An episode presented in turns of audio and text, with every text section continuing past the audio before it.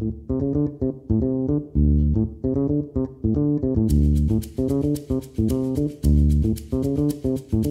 semua, selamat datang kembali di Berbincang bersama Christopher atau yang gua singkat BBC Podcast.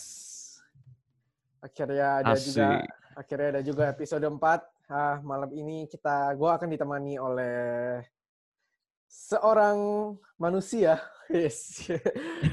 Bersama saya adalah Raka Purwabisesa dan kita akan Purbawi Sesa. Purwabisesa. Malam ini eh, malam malam ini ya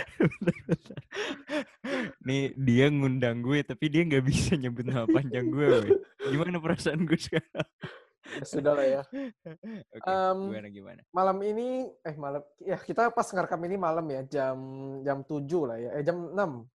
Kita akan menemani kalian di mana saja kalian berada. Waktu kalian nyetir ke kantor ataupun di rumah aja pas mau tidur jadiin suara-suara background aja biar ketiduran atau pas Suara lagi background masak, tidur. pas lagi Sialan. mandi, ngepel, nyuci, apa pun itu, semoga kalian terhibur mendengar podcast ini. Amin. Sebelumnya selamat eh, Hari Raya Lebaran buat Mr. Eh. Aka Purwabisesa. Selamat menunaikan, eh menunaikan nggak sih? Apa sih? Selamat lebaran sih cuy. Selamat Udah Lebaran. kelar. Selamat Leb- Oh, udah kelar ya. Udah kelar. Mohon maaf lahir dan batin. Mohon maaf dan lahir dan batin jika ada kesalahan-kesalahan yang pernah gue lakukan ke lo. Semoga dimaafkan. Banyak sih. kita, kita kita kita dulu pernah kerja bareng soalnya kan. Iya, kita Lo dulu pernah kerja kerja gua. bareng. Untung sekarang udah enggak. Oke, Don don. Don Don, ya. Em, ngomongin Lebaran nih, lo gimana Lebaran? Lebaran. Lebaran di sini. Ini tahun pertama lo Lebaran di sini atau tahun kemarin juga di sini di Melbourne? Ini gue eh, tahun satu, dua, ketiga lah ya tandanya ya. Gue gue sekolah itu dari 2018 awal di Melbourne. Eh terus sekarang tandanya udah 2018 kali, 2019 kali, Gak usah 2020 dikali-kali juga, bro. sekali. Udah tandanya tiga kali pak. Gue cuma buat mastiin aja nih. Masa lo nggak bisa Apakah gue lagi 2000? halu? Masa nggak bisa 2018, 2019, 2020 harus dikali-kali sih? Dude, I just woke up, bro. What do you expect? Oke. Oke, boleh, boleh. Berarti lo eh, tiga tahun ini berarti lo lebarannya di Melbourne berarti ya? Tiga tahun ini gue lebaran di Melbourne aja. Oh nggak pulang? Lu Kenapa sendiri nggak? gimana, Chris? Loh, gue kan nggak lebaran bro. Enggak, maksud gue ngumpul-ngumpul gitu kan. Kalau lebaran bagi gue kayak lebih universal aja sih jam sekarang. ya enggak sih? Kayak semua orang ngerayain Oh, enggak dong lebaran. bro. Beda dong. Eh Enggak. maksudnya ada lebaran gue misalnya eh gue hari Natal nih. Ya Hmm. kadang gue juga rayain di sini. Kadang Eh, gue juga tahun- ngerayain loh Natal. maksudnya beda lah kalau misalnya ki- kita ini di, di sini tidak ada diskriminasi, tidak ada rasis ya. Kita buka-bukaan saja Hmm. ya. ya gue, ya maksudnya kayak betul. lebaran muslim gitu kan gue gak ngikutin. Maksudnya ya kalau di Indo Hmm. ya libur ya libur aja. Kita ikutan libur. Maksudnya gue nggak ikut ngerayain. Gue nggak ikut Nggak maaf-maafan ikut juga sama bokap nyokap gue bro. Oh. Tanggung banget kalau gue maaf-maafan sama orang tua gue. Hmm, cuma emang eh, keluarga gue eh, kan kalau ini gue nih keluarga besar nih itu terdiri dari banyak agama cuy. Jadi kita kayak tiap hari raya semuanya ikut ngerayain. Itu aja sih kalau di Indo. Cuma kalau di Melbourne ya kayak nggak ada sih ya. Kayak nggak ada sih. Kayak yang ngerayain misalnya agama agama lu Kristen tapi lu ikut ngerayain lebaran Islam gitu nggak ada. Well, that's that's the culture between Indonesia and Australia. Terus kenapa lu nggak pulang pas lebaran? Gue sebenarnya itu eh, baru balik liburan. Gue gue itu baru balik liburan ke Indonesia itu di bulan De- Desember, Desember, Desember, Desember lalu, terus ke Januari, Februari, Februari gue balik lagi ke Melbourne. Soalnya gue balik itu ke Jakarta, gue asal gue dari Jakarta, Jakarta Timur tepatnya di Klender deket Romangun. itu itu itu Pulau daerah Gadung. itu daerah-daerah kalau di Jakarta itu daerah-daerah eh, bawah, menengah atau atas tuh? Kalau jadi gini cuy, kalau di Jakarta ketimpangan sosialnya tinggi kan, Hmm. iya kan. Kalau bagi gue daerah gue itu termasuk daerah yang bisa dibilang tergolong cukup menengah. Mhm. Tapi kalau gue geser dikit ke daerah-daerah bagian timur lagi, itu udah kayak udah turun banget, jatuh banget. Nah, tapi gue, gue sendiri rumah gue itu, eh gue nih gaulnya itu di tempat yang rendah banget gitu cuy. Berarti hitungannya anak-anak alay gitu dong ya? Eh, bisa dibilang gitu. Gue mungkin anak-anak Pasti pas lu kecil, Apa? pas lu pasti SD gitu, pas lu mau keluar main gitu sebelum maghrib, lu Hmm. pasti di, habis mandi dibedakin sampai tebel banget gitu buat disuruh keluar main. Enggak, kan? enggak, enggak. enggak, enggak, enggak. Tapi ya gitu sih, apa upbringing gue juga apa gue bisa dibilang bopung ya dulu waktu zaman SD. Bisa apa? Bopung, Apa itu? bocah kampung gitu ibaratnya. Oh, emang Kayak apa? ibaratnya panas-panasan keluar terus mainnya di kuburan gitu, kayak main layangan. Kenapa kenapa main kuburan di layangan? Eh, kenapa Masa- main layangan di kuburan? Soalnya pas itu kan gue kan tinggal di Kapuk Tiga kan, di Klender. Waktu SD itu kayak salah satu eh, lahan yang masih terbentang gitu. Karena kanan kiri gue tuh udah kayak banyak rumah-rumah tinggi gitu kan, kayak layangan gue sering nyangkut kan. Akhirnya gue sama teman-teman teman-teman rumahan ya udah mainnya di kuburan. Habis dari kuburan kita pergi ke Kapitan, ributin Kapitan? orang Kapitan tet- apa? tetangga ributin apa ibaratnya kampung sebelah gitu loh ngadu bola awalnya sih ngadu bola tapi lama-lama ribut seru sih zaman Tapi- dulu ya Orang-orang kayak lu ini yang merusak bangsa Indonesia. Orang-orang yang susah diatur.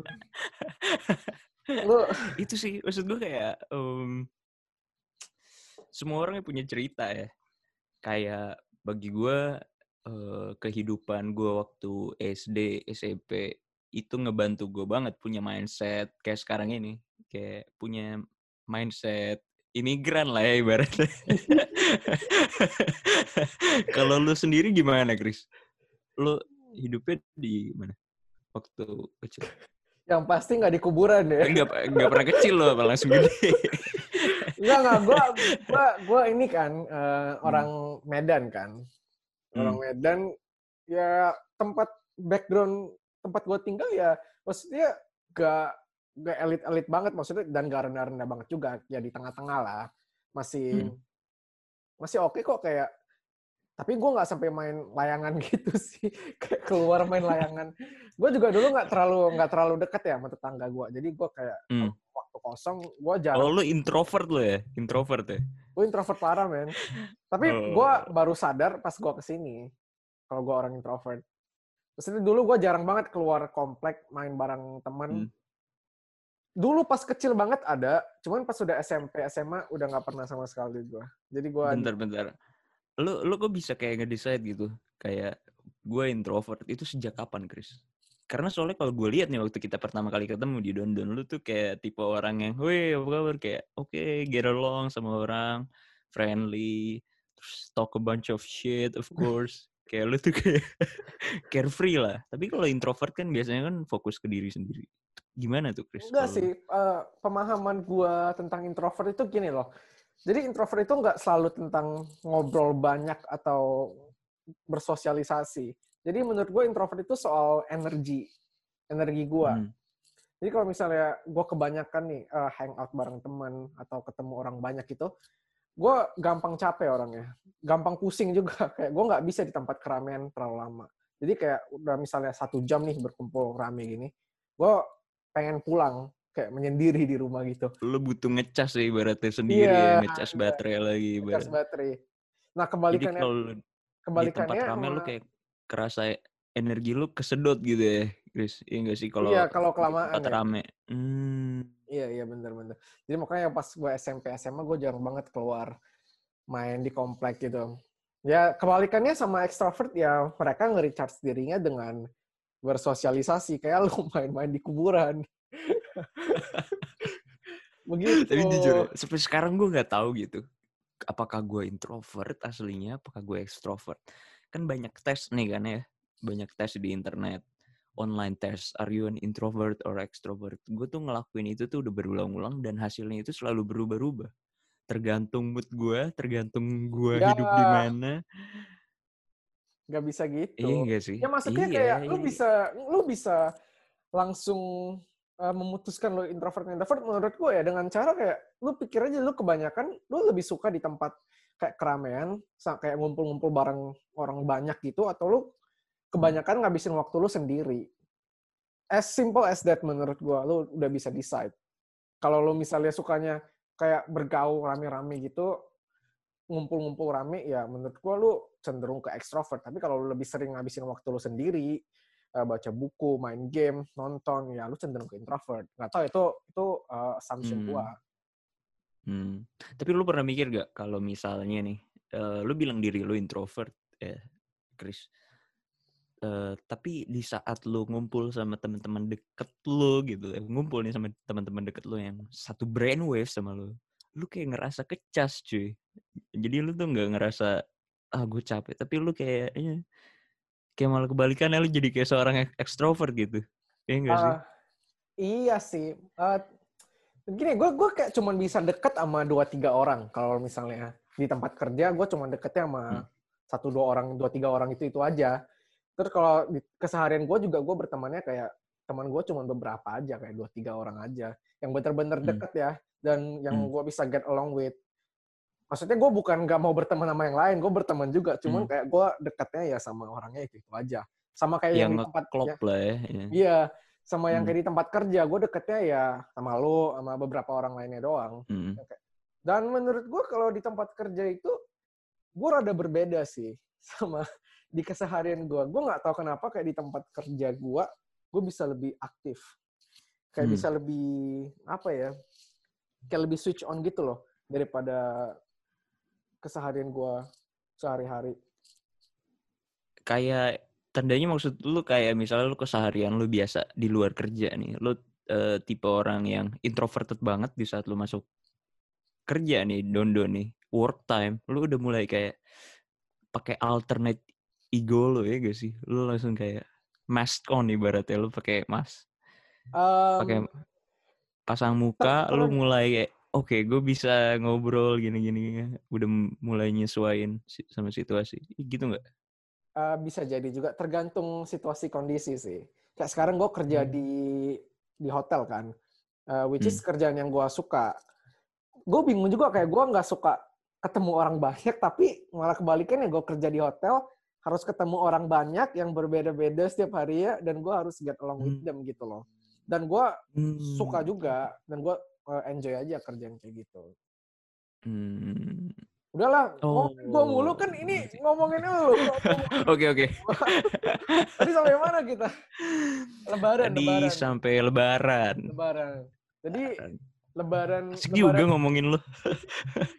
Kepo gue lebaran lebaran lu di sini ngapain aja lo makan ketupat gitu loh. Lebaran, oh shit bro, gue lebaran di sini bener-bener uh, terakhir kan gue kan ada submission, ada submission, submission tugas.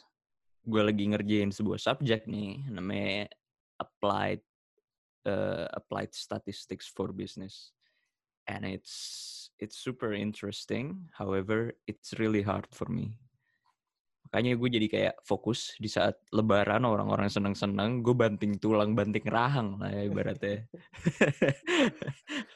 Tapi oke okay sih. Apa? Lu nggak ini, uh, nggak makan ketupat gitu, masak opor? Enggak cuy. Enggak cuy. Gue emang kebetulan gue nggak suka ketupat dan nggak suka opor. Wow ya. Gue nggak wow. suka cuy. Tapi uh, bukannya pas lebaran Apa? gitu, lu kan ketua PPIA kan? PPI uh, Victoria Uni. PPI. Biasa hmm. selama lebaran itu biasa bukannya ketua-ketua cabang itu diundang ke KJRI ya makan makan bareng. Ya, iya itu mungkin tahun lalu, Chris. Uh, mungkin diundang dari pihak KJRI um, sama Ibu Spika mungkin ya di situ ada Ibu Konjan. Cuma kita karena kondisi begini, hmm. you know what, kayak kita dalam stage di mana kita lockdown, walaupun pelan-pelan mulai dibuka, cuma kita masih dalam lockdown lah ibaratnya. Jadi restrict, jadi restriktif juga sih. PPI juga sekarang PPI View itu semua uh, event yang physical, yang offline itu gua vakumin semua. Hmm. Karena emang bener-bener gak bisa kita bikin acara di tengah pandemi gini. Uh, bukan karena takut ya, tapi karena menghargai pemerintah aja sih. gue sih pribadi sih nggak takut sih sama coronavirus. Hmm. Wis, nantangin lo bro. viral loh kayak yang itu beritu berindo itu. Siapa sih yang nantangin corona? Sokap nih, sokap deh. Gue nggak tahu, ya. Gue gue nggak ngikutin cuy. Jangan kan apa coronavirus ya. Maksud gue kayak ibaratnya kalau lo uh, kena penyakit yang kayak bener-bener kayak parah kayak AIDS, HIV gitu. Ini gak sih lu ibaratnya kalau udah kena udah pasrah aja ya. kayak ikhlasin aja cuy. Memang ini untuk Presiden Jokowi orang-orang harus di minimalisir ya. Eh, buat uh, menurut lu gimana kebijakannya di Indonesia, Chris? soal PSBB. Uh, maksudnya yang udah mau dilonggarin ini maksudnya? Iya. Ya, gue nggak tahu sih. Kayak maksudnya kalau mau dilonggarin ya dilonggarin. Maksudnya kalau PS selama PSBB ini kan orang-orang juga keluar kan? Kayak mereka nggak nggak nggak taat juga, nggak patuh sama peraturannya. Jadi kayak buka nggak buka ya mas menurut gue ya ya sama aja kayaknya. Soalnya gue nggak di Indo juga kan gue nggak terlalu tahu kondisi aslinya gimana. Kalau lihat langsung dari berita kan banyak yang aneh-aneh berita sekarang pada nggak terlalu jelas uh, sumbernya dari mana kan. Menurut gue harus dilihat langsung sih ke lapangan kondisinya gimana baru gue bisa uh, ngejudge gimana. Tapi kalau yeah. gue menurut gue sekarang ya kalau udah dilong mulai dilonggarin dengan angka kematian yang semakin tinggi menurut gue itu bukan kebijakan yang cukup bijak ya untuk diambil ya tapi gue nggak tahu sih gimana diskusi mereka sampai bisa dilonggarin. Ini menurut lo aneh gak, Chris? Um, ini sih apa uh, thoughts provoking ya ibaratnya. Di saat banyak nih orang-orang artis-artis yang bilang oke okay, stay di rumah, lu stay di rumah, uh, nggak usah keluar-keluar, lu jadi carrier virus. Tapi di saat lebaran kemarin ini, mereka itu bikin private party di rumah mereka masing-masing. Lebaran itu mereka ngundang keluarga-keluarga terdekat. Tapi bagi mereka itu tuh kayak gimana ya cuy? Oke, gue ngundang keluarga terdekat gue, gue nggak main keluar. Tapi apakah penyebarannya itu tertunda karena cuma beberapa orang di rumahnya dia? Tapi maksud gue kayak munafik aja gak sih? Kayak, oke, okay, lu dia ngomong kayak oke okay, kita nggak boleh keluar tapi dia ngundang teman-teman keluarga keluarga dia gitu ke rumah buat ngerayain lebaran um, iya sih sebenarnya sebenarnya gue kurang gue kurang ini ya kurang sepaham dan kurang klop sama selebriti selebriti atau yang kita bilang influencer lah konten hmm. creator gue hmm. kurang kurang sepaham sama mereka gue nggak terlalu suka sebenarnya sama mereka kayak sama ya. Kayak apa yang, kayak apa yang ditunjukkan di Instagram, di YouTube itu gue yakin uh, majority-nya beda sama kehidupan aslinya. Kayak mereka cuma bisa ngomong di Instagram gitu, tapi eh, kesehariannya nggak gitu kan. Buktinya mereka nyuruh orang PSBB, cuman lebaran mereka ngundang keluarganya juga. Hmm. Kayak that's weird, bro gimana Indonesia? Itulah. Kayak gue gue ngelihat kayak uh, mata Najwa ya, nggak salah. Gue lihat mata Najwa foto sama keluarga, entah foto itu diambil tahun lalu apa tahun ini. Cuma intinya di foto itu nggak nggak cuma satu dua orang, tapi bener-bener kayak keluarga gitu, rame gitu ya, itu kan. Wih, shout out to Mata Najwa. Halo Mbak Nazwa Shihab. Kalau Halo Mbak Mbak Nazwa, Najwa. kalau ada yang kenal sama Mbak Nazwa atau misalnya keluarganya atau kerabat ya, boleh disampaikan ya. Mungkin Boleh, Mbak Nazwa, boleh marah-marah ke gue. Mungkin Mbak Nazwa bisa ada waktu untuk berbincang bersama Christopher. Wedi. Yo man. Tapi gue jadi guest juga ya Chris. Gue numpang dengerin aja. Kepo gue. Satu room aja, satu Zoom. Satu. Kayak keren. Ah, ngomongin soal Indonesia nih dari tadi nih. Ini Hmm. ngomongin YouTuber, content creator gitu ya. Kemarin lagi ada kasus nih, Ferdian Paleka nih. Ngeprank-ngeprank nih. Wah. Jadi ceritanya ini YouTuber dia bikin konten bagi-bagi sembako. Dan di Hmm. dalam sembakonya itu ini ya, batu ya. Batu sama sampah. Dan dia Bro. dia bagi-baginya ke ke, ke banci ya. Ke PSK Iya. Jalanan kan? Ke ke komunitas LGBT plus Q plus community. Pokoknya intinya ke inilah ya, ke ke, ke banci-banci jalanan Ke gitu. orang-orang itu ya. Iya. Wah, gue nggak ngerti sih itu ide pertama muncul ya untuk bikin konten gitu. Gue nggak tahu dari siapa sih. Kenapa bisa ada ide muncul? Yuk kita eh, bikin konten ngeprank banci di pinggir jalan dengan bagi-bagiin sampah dan batu. Sakit kepala gue. Menurut lu gimana tuh? Ya, aduh gimana ya cuy. Ferdian Paleka. Tapi namanya bagus loh. Ferdian Paleka. Itu kayak unik aja. Gue baru denger nama Paleka. Itu orang mana tuh? Chris lu tau nggak kalau Paleka tuh orang mana? Eh, Itu nama nggak- marga apa gimana sih? Hmm. Nggak tahu sih. Kema- eh, kalau nggak salah kemarin dia dari Bandung ya kalau nggak salah ya. Gue nggak Di tahu. Bandung doi. Iya mungkin Hmm. dari Bandung ya. Gue nggak tahu aslinya dari mana. Cuman menurut lu konten yang dia buat ini gimana? Waduh, gue nggak tahu ya cuy ya. Ini kayak konspirasi juga sih. Kayaknya eh, psikisnya udah terserang deh. Psikisnya sakit sih menurut gue. Iya. Atau mungkin Hmm. karena lingkungan dia juga ya. Hmm. Kalau menurut gue sih manusia itu eh, dipengaruhin dari decisionnya dia nih sampai ke bikin konten ini itu nggak ditentuin dari suatu momen aja, nggak satu momen. Bagi gue itu gradual. Apa yang ngebuat dia sampai ke decision, oke, ayo kita kerjain para tuh eh, banci-banci di pinggir jalan. Gue ngomongnya nggak banci deh, manusia lah, karena banci itu juga manusia kan.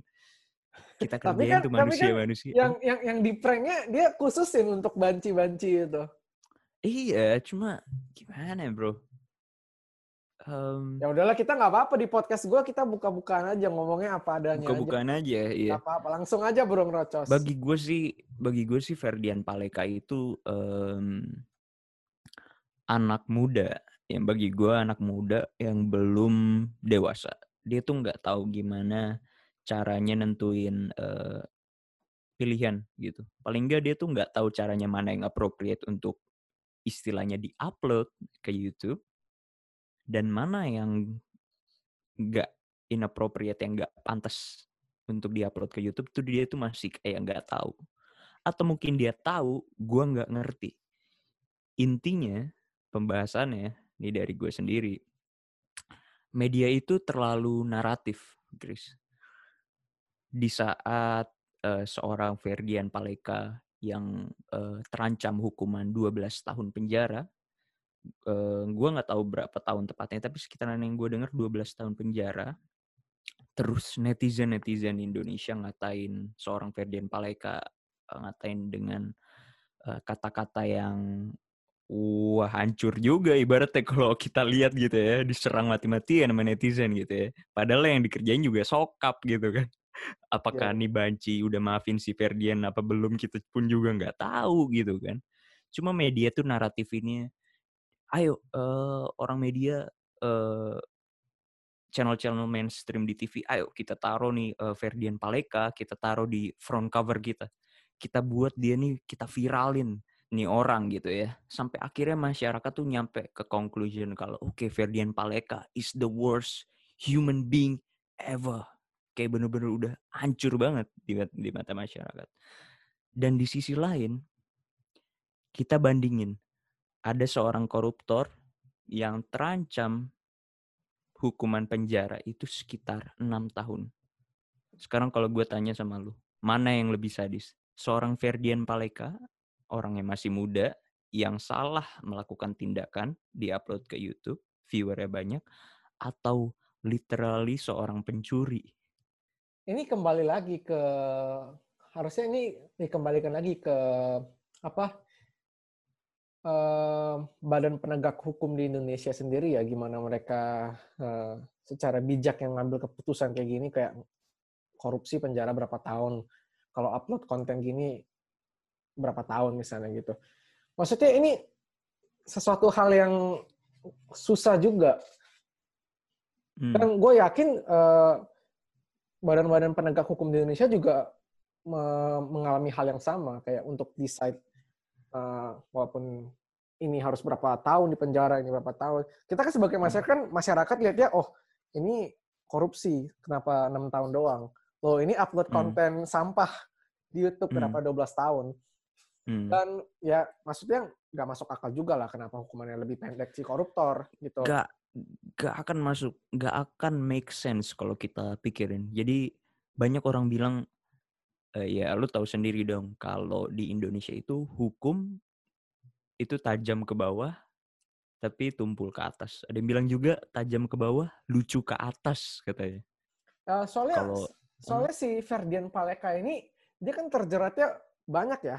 Dia terjerat hmm. undang-undang hmm. ITE, dia terjerat uh, apa lagi um, ada pelecehan seksual, ada masuk ini nggak sih undang-undang pelecehan seksual? Soalnya konten oh, dia, tahu sih. konten sebelumnya dia itu dia ini kan uh, nawar-nawar PSK di pinggir jalan. Hmm. Ada hmm. juga konten yang mungkin hmm. mungkin termasuknya jadi jadi 12 tahun itu bukan gara-gara upload konten aja, tapi menurut gua ada banyak yang dia lakukan sehingga mengakibatkan uh, dia bisa 12 tahun di penjara. Mungkin, gue nggak tahu. Tapi, tapi momen momennya dia kena masalah itu pas dia upload konten yang sebelumnya apa yang sekarang, Chris? Kayaknya yang sekarang sih kalau nggak salah. Yang ngeprank banci itu. Eh, tandanya kontennya dia yang sebelumnya itu nggak dilihat dong, iya nggak sama badan penegak hukum. Wah, Pas pernah. masalah ini keluar mencuat, baru dicek tuh historical problemnya soal dia. Oh, ini anak kesalahannya ini ini ini baru diserang. Nah, yang pertama kali yang naruh dia di front cover itu media. Gue sekarang itu anti banget Chris sama media televisi terutama. Karena menurut gue um, itu bukan apa expression freedom of speech lagi, tapi itu expression of uh, ibaratnya segelintir orang-orang yang punya agenda. Itu menurut gue sih. Karena maksud gue kayak kalau gue lihat dari kecil, kalau lo ibaratnya makan makan roti, makan roti dari kecil, terus ada orang satu lagi makan nasi ibaratnya. Dari kecil ke gede walaupun dia kembar identical nih, itu pasti gedenya itu beda dari apa yang dimakan. Dan dari apa yang dimakan itu nggak cuma makanan, tapi apa yang masuk ke otak lu juga. Apa yang masuk lewat mata, apa yang masuk lewat telinga, itu menurut gue. Dan kalau media tetap ngasih garbage, sampah-sampah begini nih, sorry ya Ferdian Paleka, gue gue bilang lu sampah karena emang konten lo itu sampah, bukan lo yang sampah, lo mah tetap manusia gitu maksud gue. Itu sih menurut gue, kita era kita di Indonesia ya bakal tetap gitu-gitu terus. Orang-orang bakal satisfied, bakal puas dengan berita-berita kayak gitu terus. ya karena itu yang dicari orang-orang Indonesia kan?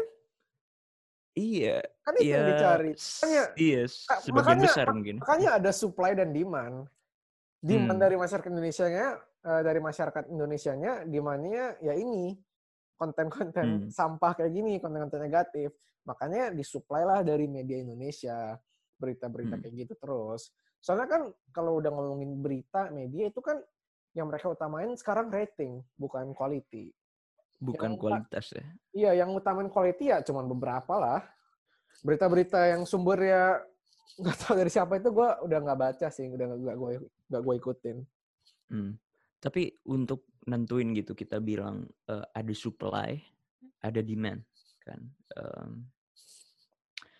kalau masyarakat Indonesia ngelihat yang lu bilang waktu itu, lu bilang ke gue waktu itu cerita kalau ada apa ibaratnya diutamakan dengan algoritma YouTube ya. Kalau lo ngeklik konten A, lo ngelihat konten A terus itu konten A bakal muncul terus ya enggak sih? Iya, iya. Itu enggak sih yang lo kasih tahu ke gue? Iya, iya. Nah, hal apa yang ngebuat orang Indonesia suka banget dengan konten kayak begitu, Chris? Apa driving force-nya gitu di orang Indonesia? Apakah pendidikannya kah? Apakah salah makan kah kita? salah makan. Apakah emang genetik kita dari tetua-tetua terdahulu nih, kakek moyang kita demennya dengan berita-berita begitu? Apakah gimana tuh Chris menurut lu? gue nggak mau ngejudge ya soalnya gue dulu juga nonton konten-konten alay gitu gue nonton kayak sinetron Hmm. FTV Nah, kayak apa acara yang ngebuat lu kayak apa yang ngebuat lu kayak berubah nih sekarang? Apa yang ngebuat lu sadar kayak oke kayaknya gue nggak bukan Menurut- tipe orang yang menurut gue sih lingkungan sih lingkungan lingkungan di mana lu tinggal ya itu kayak Hmm.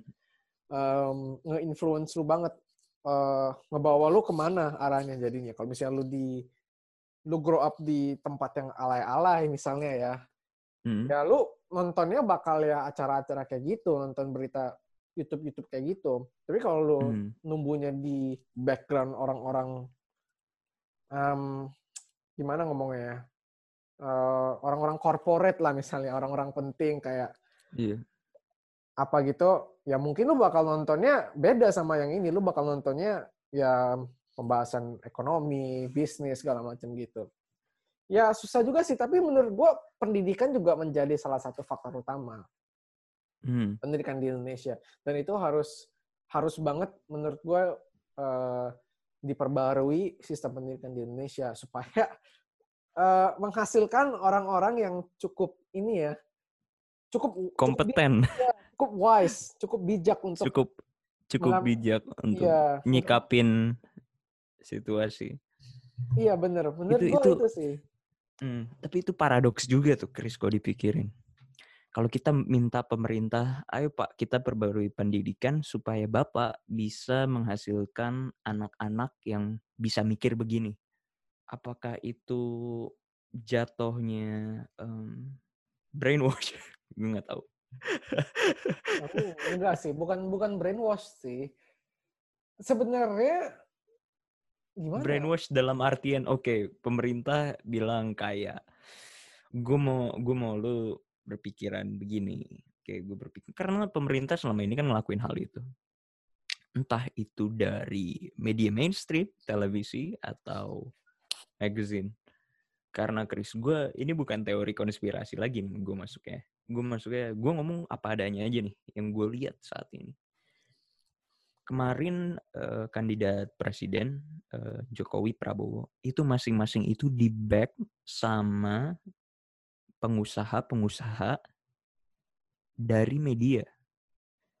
Gue nggak akan name dropping sih siapa, tapi ada yang pemilik sta- eh, stasiun televisi, ada yang pemilik eh, stasiun radio, magazine, terus eh, online, social media, semua tuh punya agendanya masing-masing. Nah, sekarang apa yang ngebuat kita bisa percaya sama media mainstream kalau mereka sendiri semuanya punya agenda? Di saat pemerintah pekerjaannya jelek, pem- eh, media bilang oke, doi kerjaannya bagus. Di saat pemerintah kerjaannya bagus, media bilang karena oposisi nih, oke, doi kerjaannya jelek. Mana berita yang mesti kita percaya gitu? Ya sebenarnya rada ribet juga sih kalau udah ngomongin gini ya. Soalnya kita bisa jadinya bisa bias banget. Kalau misalnya lu dari Hmm. dulu ikutnya cuman nonton TV One nih misalnya. TV One misalnya berpihak Hmm. ke kubu A. Kita Hmm. One terus kita lama-lama bisa benci kubu B jadinya kan. Itu maksud lo kan? Itu dia. Itu, Um, itu maksud gue. Sedangkan si B ini itu nggak nggak nggak nggak kita kita tuh nggak boleh seharusnya benci sebegitunya gitu. Jadi Iya, iya, karena gua propaganda diulang-ulang terus repetisi. Ya gue ngerti. Em, iya sih, susah juga sih se- sebenarnya. Tapi kalau gimana ngomongnya ya?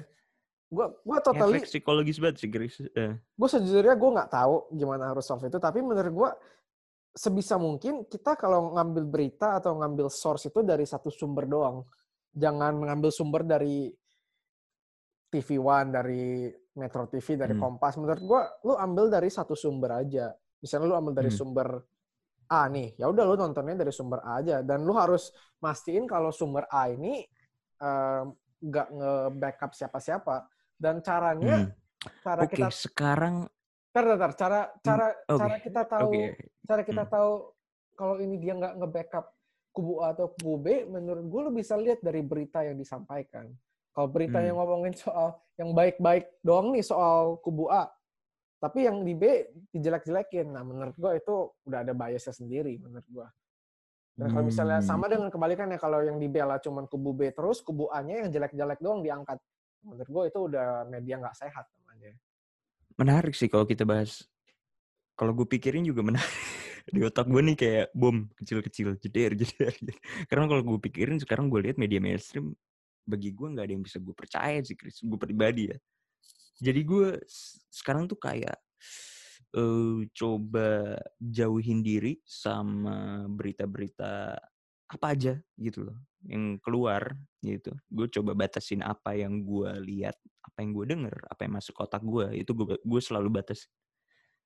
Iya paling gitu sih kalau Iya. gue. Ya gue Hmm. juga, gue juga begitu sih.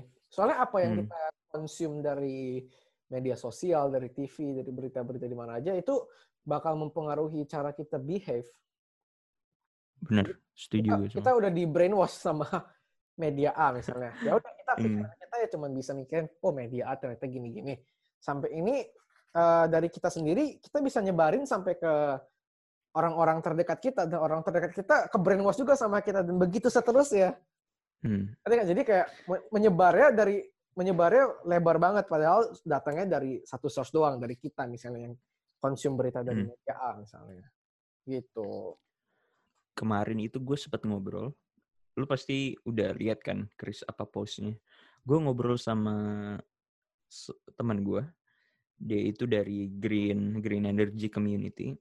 Nggak, ntar, itu- ntar. Kasih tahu dulu dong ngomong apa. Jadi Raka Apa? ini punya podcast. Oh eh, Jelasin punya kan belum ada yang podcast, tahu bro. nih.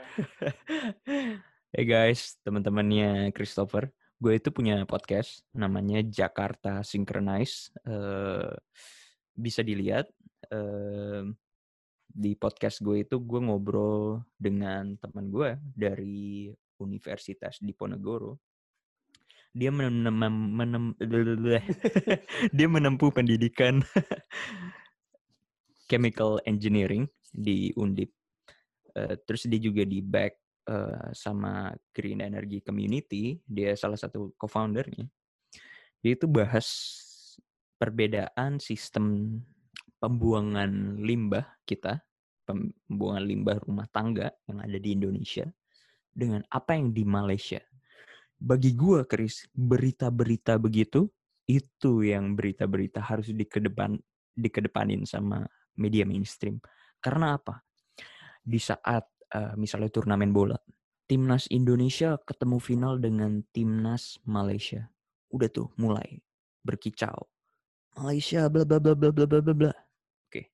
Yang dari netizen Malaysia juga Indonesia bla bla bla bla bla bla bla. Oke. Tapi kalau kita bandingin nih secara oke, kita bandingin dengan cara pembuangan limbah rumah tangga. Itu teman gue itu bilang Indonesia itu masih kalah jauh banget, Chris. Di saat kita pakai sistem septic tank yang kalau kita buang air it- itu masuk ke septic tank tersebut terus mesti disedot ibaratnya eh, tiap setahun sekali lah ya paling enggak ya setahun sekali disedot itu Malaysia itu punya sistem eh, pembuangan limbah yang lebih baik dari kita. Nah terus di situ gue mikir aja kalau dengan cara pembuangan limbah aja mereka lebih baik gimana cara yang lain?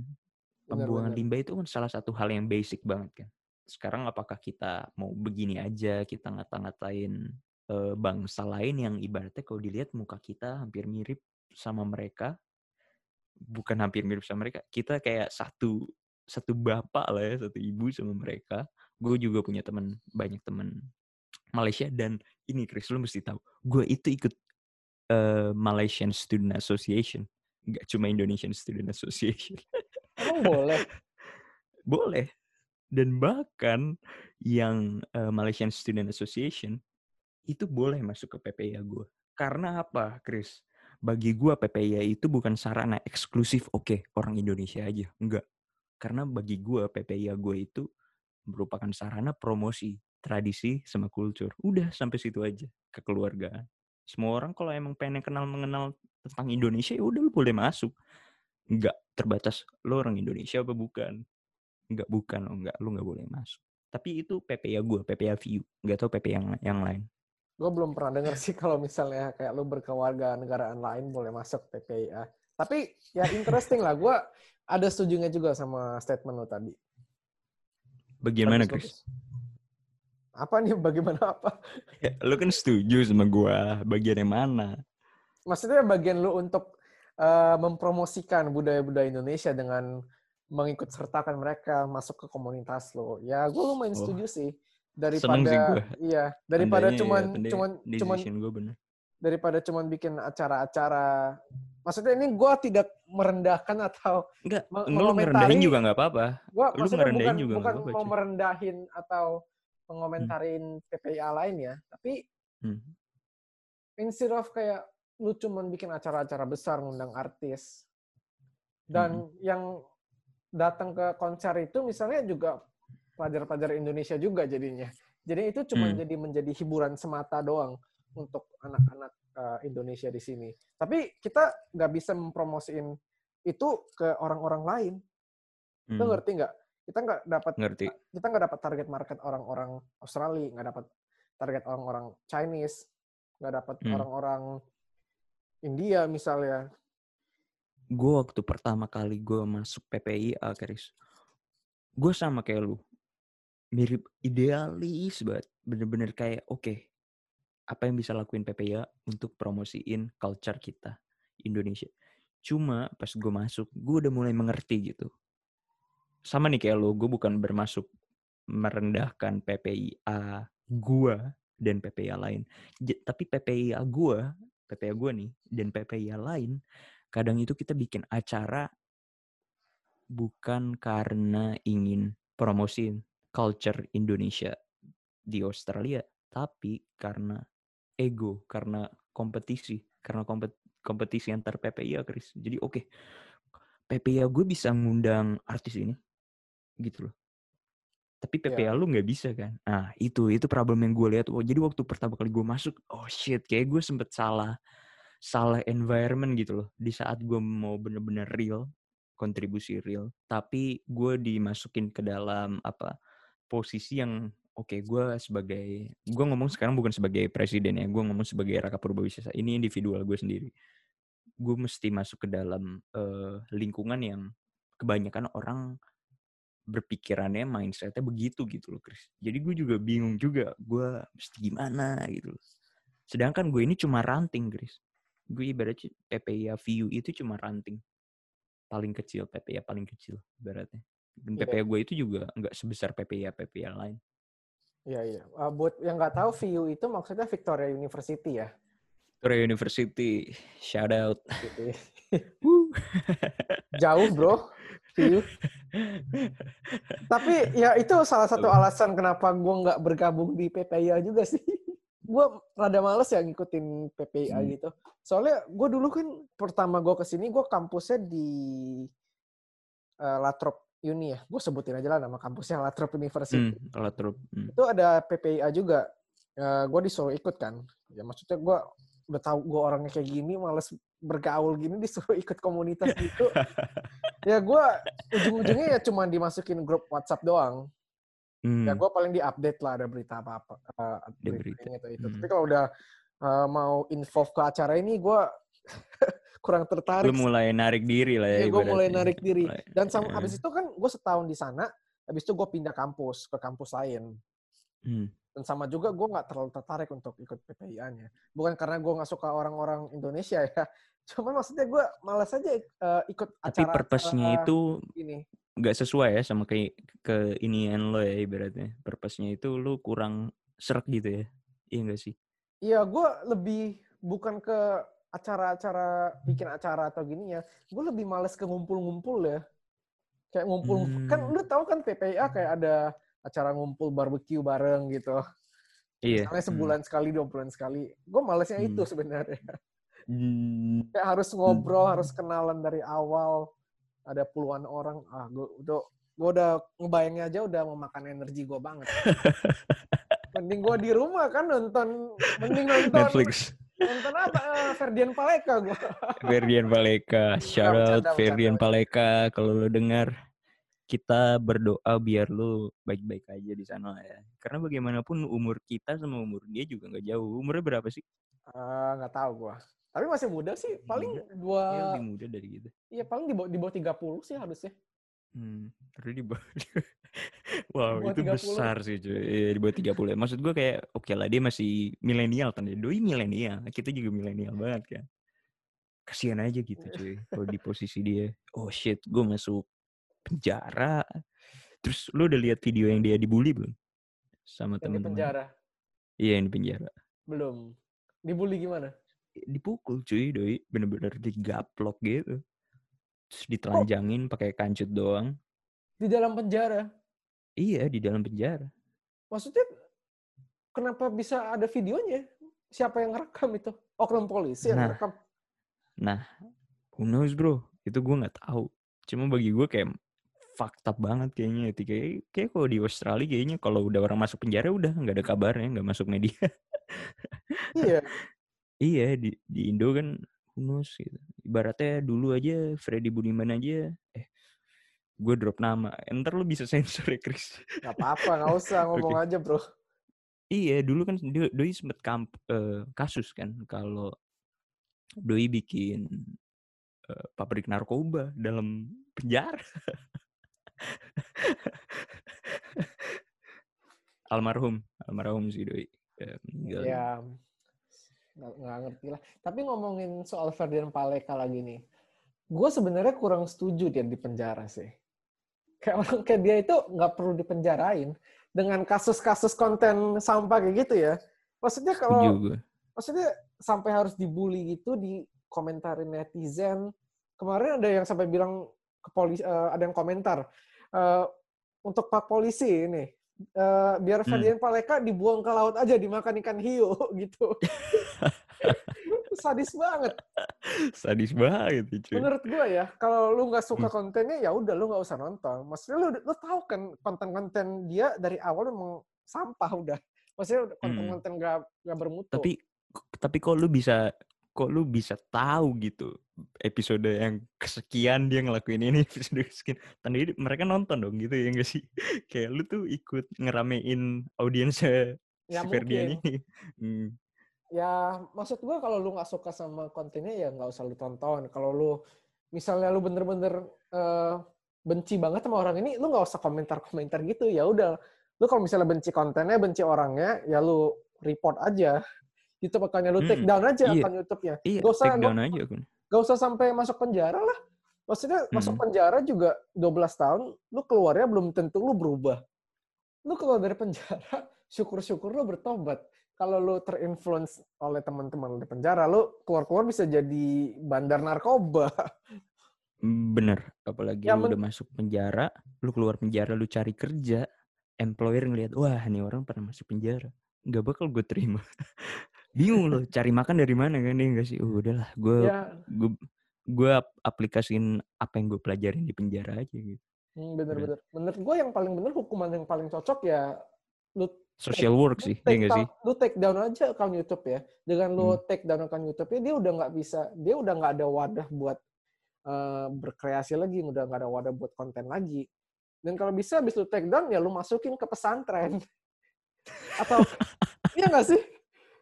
Iya nggak sih kalau kalau kalau di, di bisa bisa bisa eh tapi gue di- setuju sih kalau di budaya orang Muslim gitu ada pesantren. kalau yang bandel-bandel tuh wah udah pesantren ya, di gitu. pesantren lu diajarin ngejahit. Wah di di pesantren tuh gue pernah pesantren kilat lah ya.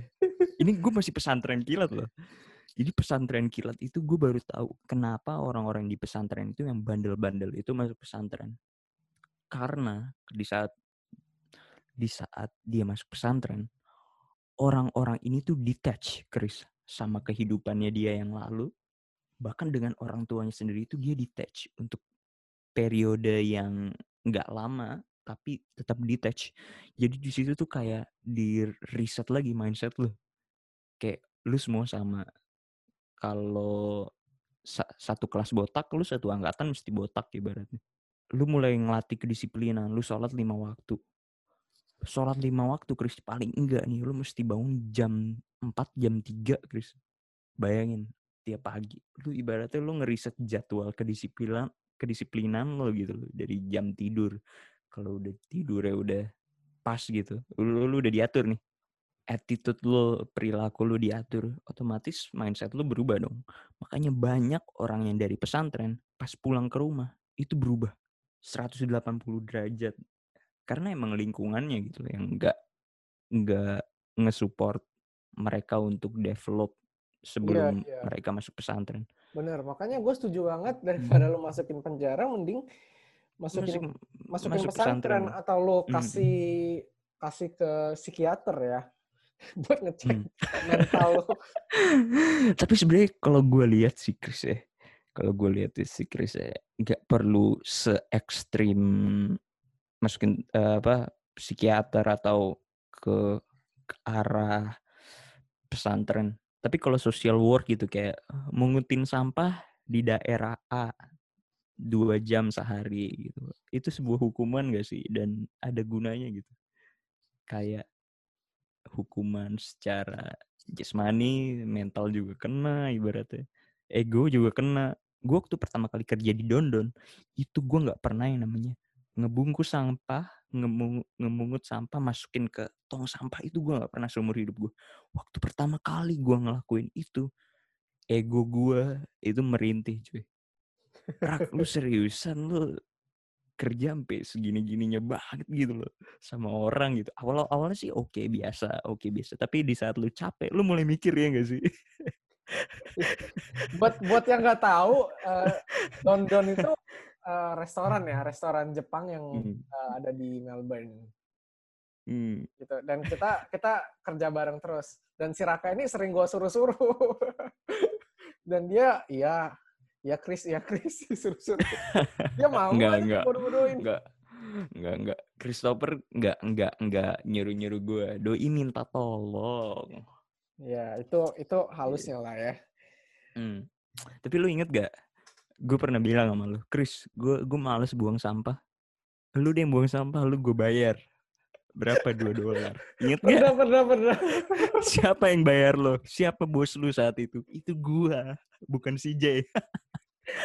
jadi jadi J itu manajer kita ya Hmm. manajer kita jadi gue dipercayain jadi jadi supervisor di restorannya dan Asik. dan Raka ini maksudnya bukan cuma Raka ada orang-orang itu ya Hmm. ya bisa gue suruh-suruh kesempatan juga kan kapan lagi gue nyuruh-nyuruh orang kan perintah-perintah eh lu ini ngerjain A ngerjain Hmm, Tapi di saat Christopher in charge itu pasti berantakan ya. Dan kalau udah berantakan nih shift udah kelar, udah dia cabut-cabut aja dia nggak mau pikirin apa yang udah dia cost gitu. Jangan jangan dibuka aib gue bro gue masih Iya. 22 tahun masih pengen kerja gue bro nggak nggak jadi yang Raka omongin tadi itu bohong ya semua itu nggak Hmm. Eh benar seriusan cuy, gue gue ngapain gue kipak ya? Itulah ganti topik ganti topik Hmm, oke oke ganti topik. sampai mana gitu Em, tadi Eh, ngomongin Di Ferdian tadi. Paleka. ngomongin Apa? pesantren tadi Pesa- pesantren Pesantren. tadi. hmm. Lu bilang lu dulu masuk pesantren kan? Iya, gue pesantren kilat dulu. Terus kegiatan sehari-hari lu apa aja selain selain sholat lima waktu yang gua tahu tadi? Sholat lima waktu itu hal yang paling utama. Terus baca Al-Quran. Baca Al-Quran itu nggak sereguler hmm, sholat lima waktunya. Terus yang seru kalau di pesantren itu, gue ngomong yang seru dulu, abis itu gue ngomongin gak gue suka dari pesantren. Kalau yang gue suka, Chris, dari pesantren, itu gue, teman gue itu, kita kalau pesantren rame-rame, otomatis tidur rame-rame dong. Ada temennya. Gua maksudnya satu pesantren daerah satu Bogor. satu ranjang atau gimana? Enggak, ranjang itu ada banyak, dipisahin. Cowok, eh, gedungnya yang ini, kalau cewek gedungnya yang ini, jauh, tapi jauh.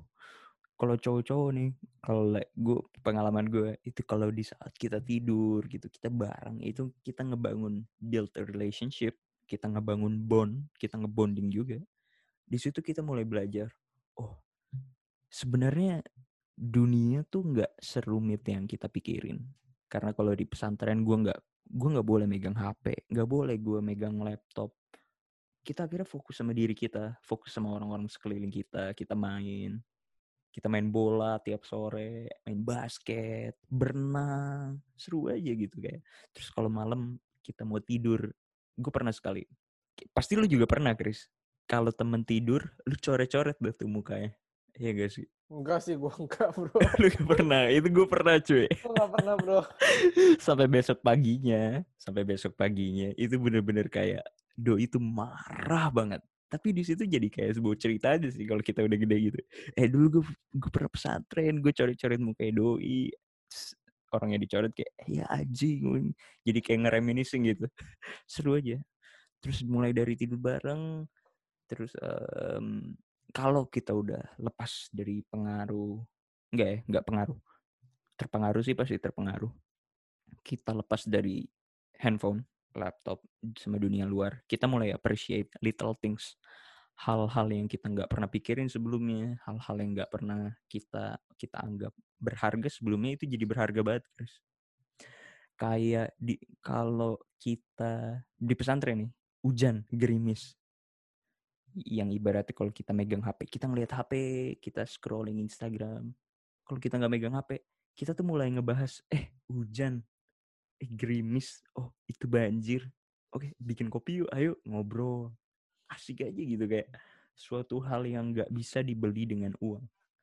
Oke bentar bentar. Uh, hmm. ini sebenarnya gue bingung nih ini pesantren hmm. ini uh, sekolah muslim atau hmm. dia kayak dia kayak yayasan gitu buat nampung anak-anak buat sekolah gitu? Atau gimana sih? Pesantren itu apa pesantren tuh ada banyak gimana cara mereka menghidupi diri mereka masing-masing, institusinya masing-masing. Ada pesantren yang literally, oke, okay, lu boleh masuk pesantren, lu nggak bayar sama sekali. Gitu loh, Chris. Lu masuk ke sini, lu bisa belajar di sini. Pesantren itu intinya sekolah, sama kayak sekolah. Ada pelajaran-pelajarannya, Chris. Matematika, sejarah, bahasa Inggris, bahasa Arab. Cuma bahasa kayak Ibrani gitu-gitu yang udah tahun-tahun jebot nggak ada gitu. Nah terus ada juga pesantren yang berbasisnya itu kayak dorm. Kayak lu bayar uang lebih, nah, satu kamar yang biasanya kalau pesantren biasa 10 orang, lu cuma berempat gitu. Kayak uh, pendidikan apa sih? Lu tahu sekolah Gerida Nusantara nggak? Sekolah yang berbasis militer gitu-gitu. Uh, kayak Akpol gitu ya? Iya, kayak begitu. Iya, iya, iya. Nah, kalau di pesantren itu bisa kayak begitu, cuma bayar itu lebih mahal.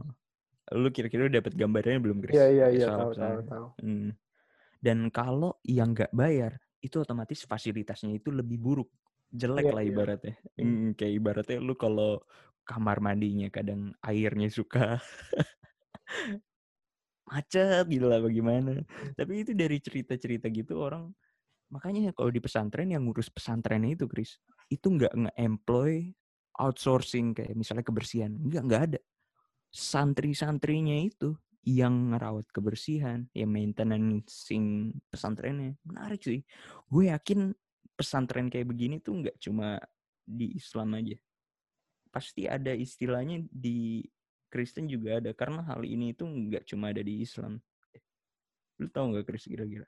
Um, Sejauh kalau ini, di sejauh ini gue belum pernah tahu sih ada atau enggak. Lu tahu kan kalau di Nepal itu ada kayak monastery gitu loh, kayak mong-mong para Buddha-Buddha pendidik Buddha yang botak-botak, yang kungfu. nah, yeah, itu yeah. ini kayak Islamic version gitu loh. Gimana sih? Iya, gue paham, gue paham, gue paham. Mm, mm. Tapi kalau di Kristen, di Kristen mm. sendiri gue nggak nggak terlalu biara biara gitu-gitu pasti ada dong biara ya istilah ibu iya gak sih gue gue nggak tahu ada atau nggak mungkin ada hmm, tapi hmm. cuman gue yang nggak tahu atau memang mungkin nggak ada tapi lu taat gak sih orang Wes. Sudah jangan. kita nggak usah ngomong itu di sini lah Oke. ya. Oh, gak mau dibahas. Oke. itu off Gue air kira aja. lu mau belak-belakan aja. Panjang bro, bisa dua sesi nih ngomongin gitu. Bisa dua sesi ya. Oke, oke. Cuman Lanjut, ngomongin lanjut. ngomongin soal agama nih. Gue Hmm, ngelihat agama Islam ini lumayan ini gue. hmm. lumayan tertarik. Maksudnya bukan tertarik mau masuk Islam ya. maksudnya maksudnya em, eh, apa ya? Interesting Secara aja loh. culture, iya, secara culture. Kenapa kayak Hukum, orang eh. orang Islam itu kayak sehari itu harus sholat lima kali? Hmm. Kenapa alasannya? Kan gue kan eh, SD gue itu LPI atau FIK. Itu di daerah Jakarta Pusat. Eh bro, Belajar bro, agama lu, di situ. lu, Apa? Lu kenapa ngungkit-ngungkit masa SD lu lagi? Gue tanya kenapa kayak gue gue pengen ngebangun argumen gue, mau Pelan-pelan dari masukin gua bawah. masuk muslim ya? Enggak, enggak cuy. kan lu tanya, ya udah gue jawab dong. Ya kan? Iya boleh boleh. Nah. Oke oke. Terus SD gue LPI atau FIK, gue belajar agama di situ. Sekolahnya sih kecil ya, tapi bagus sih kualitasnya. Nah terus SMP, gue Al Azhar Rawamangun, yang literally sekolah Islam yang terkenal lah kalau di Jakarta. SD SMP itu gue lumayan pondasi gue akan Islam, pengetahuan gue itu kuat. Kalau secara iman kita nggak bahas iman deh di sini ya. Kita bahas pengetahuan aja. Karena kalau bahas iman itu jatuhnya gue narik lo gitu. kan lo kan emang gak mau ditarik kan ibaratnya kan gak mau ngerasa ditarik. Udah kita bahas secara knowledge aja. Secara em, jadi kalau menurut gue lu tanya nih, kenapa kita mesti em, sholat lima waktu? Kenapa kita mesti em, kenapa kalau sholat itu gerakannya seperti ini? Kenapa kalau berdoa tangan kita mesti diangkat? Kenapa kalau kita umroh itu ada step-stepnya yang mesti kita laluin? Jadi intinya itu Islam itu adalah faith, keyakinan, di mana semua hal yang God wills itu ada di Al-Quran, firman-firman Allah. Sama kayak lo kalau di Bible gitu ya. Cuma bedanya kalau di Islam itu nggak ada perjanjian lama dan nggak ada perjanjian akhir. Kita tuh, tuh lebih kayak, oke satu satu kesatuan lah ya. Ke- Keluarnya tuh nggak nggak terlalu jauh apa gimana gitu ya. Nah, kalau di Islam itu Al-Quran itu keluar itu cuma di masa periode kehidupannya Nabi Muhammad Wasallam. Di saat dia wafat itu nggak keluar lagi. Al-Quran itu nggak rilis lagi ibaratnya. Allah itu nggak berfirman lagi lewat malaikat Jibril ke Nabi Muhammad. Di situ Allah itu mulai berfirman, oke, ini perintah, ini larangan. Sama kayak di Bible juga gitu ya, Chris ya. Iya. Dan Nabi Muhammad itu lebih kayak karena prophet seorang nabi ngejelasin ke umatnya, oke, cara sholat begini, cara eh, baca Al-Quran begini, terus kalau mau umroh, berangkat haji begini, kalau mau puasa begini, waktu-waktunya gitu. Jadi kita kayak sebagai umat kita tuh kayak lebih kita belajar ke Nabi Muhammad. Nah, sampai sekarang nih turun-turunan nih berapa generasi cuy. Sampai ke gua itu pengetahuannya itu itu tetap ada which is really interesting. Tapi intinya semua agama mengajarkan kebaikan lah ya. Do good, iya. Iya iya betul betul. Hmm. Terus kemarin lu puasa ini lancar nggak?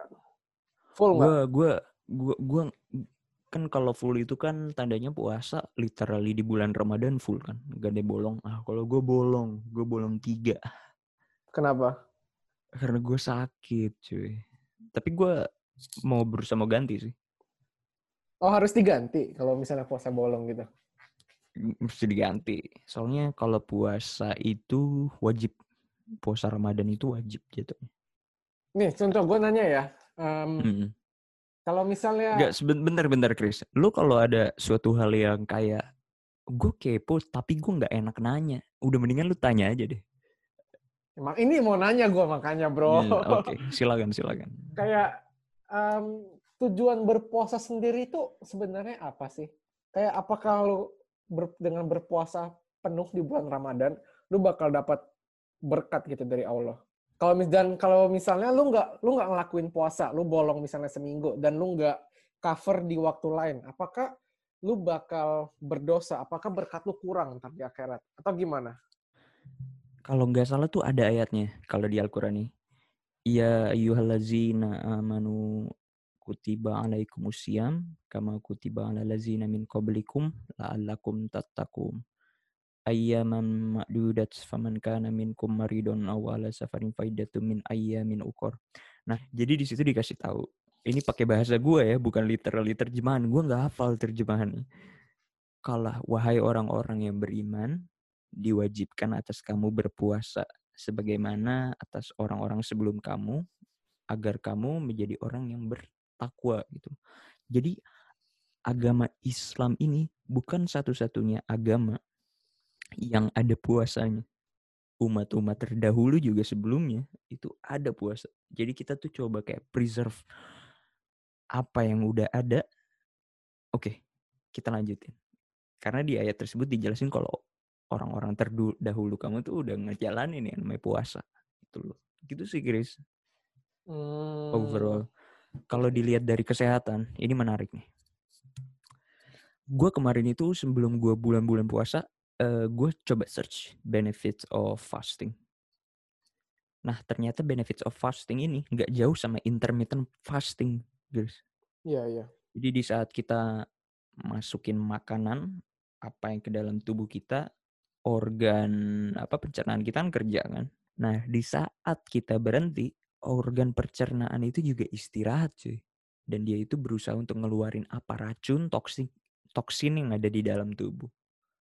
Gitu. Makanya kebanyakan orang puasa itu pasti lose weight.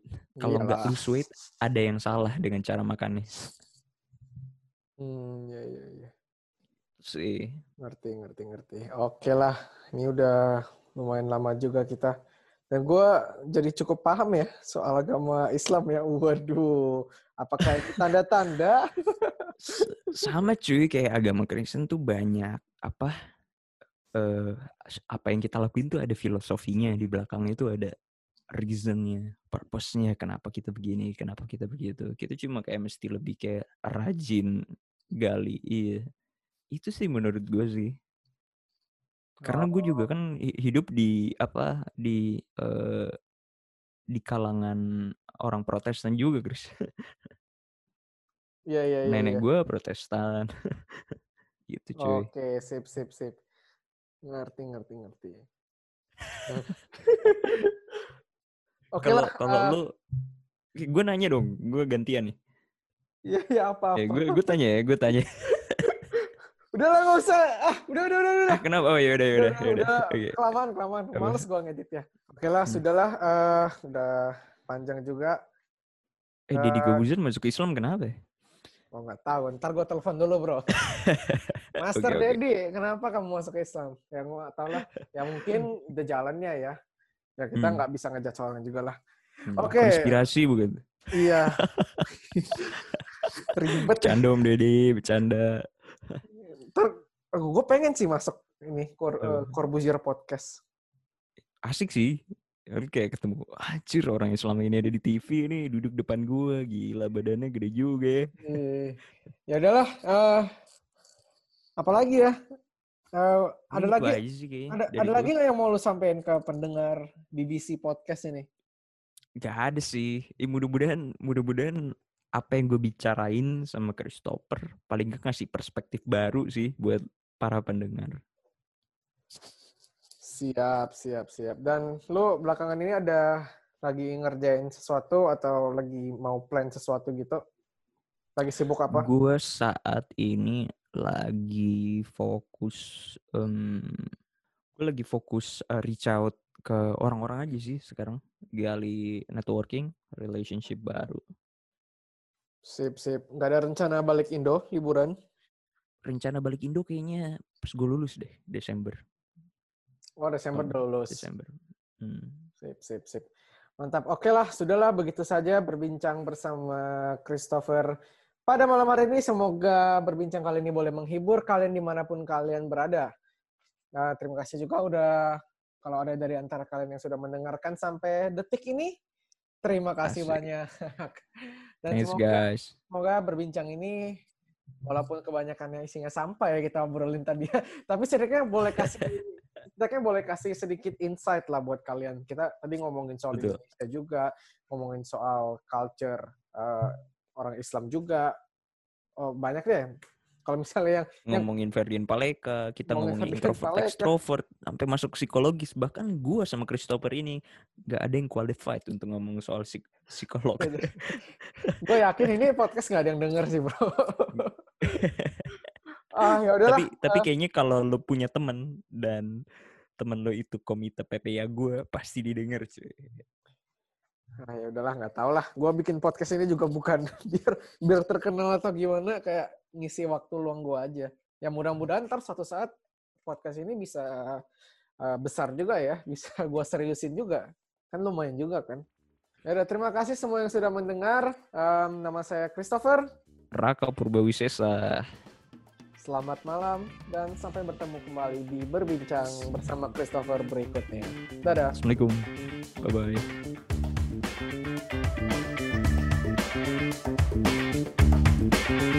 Música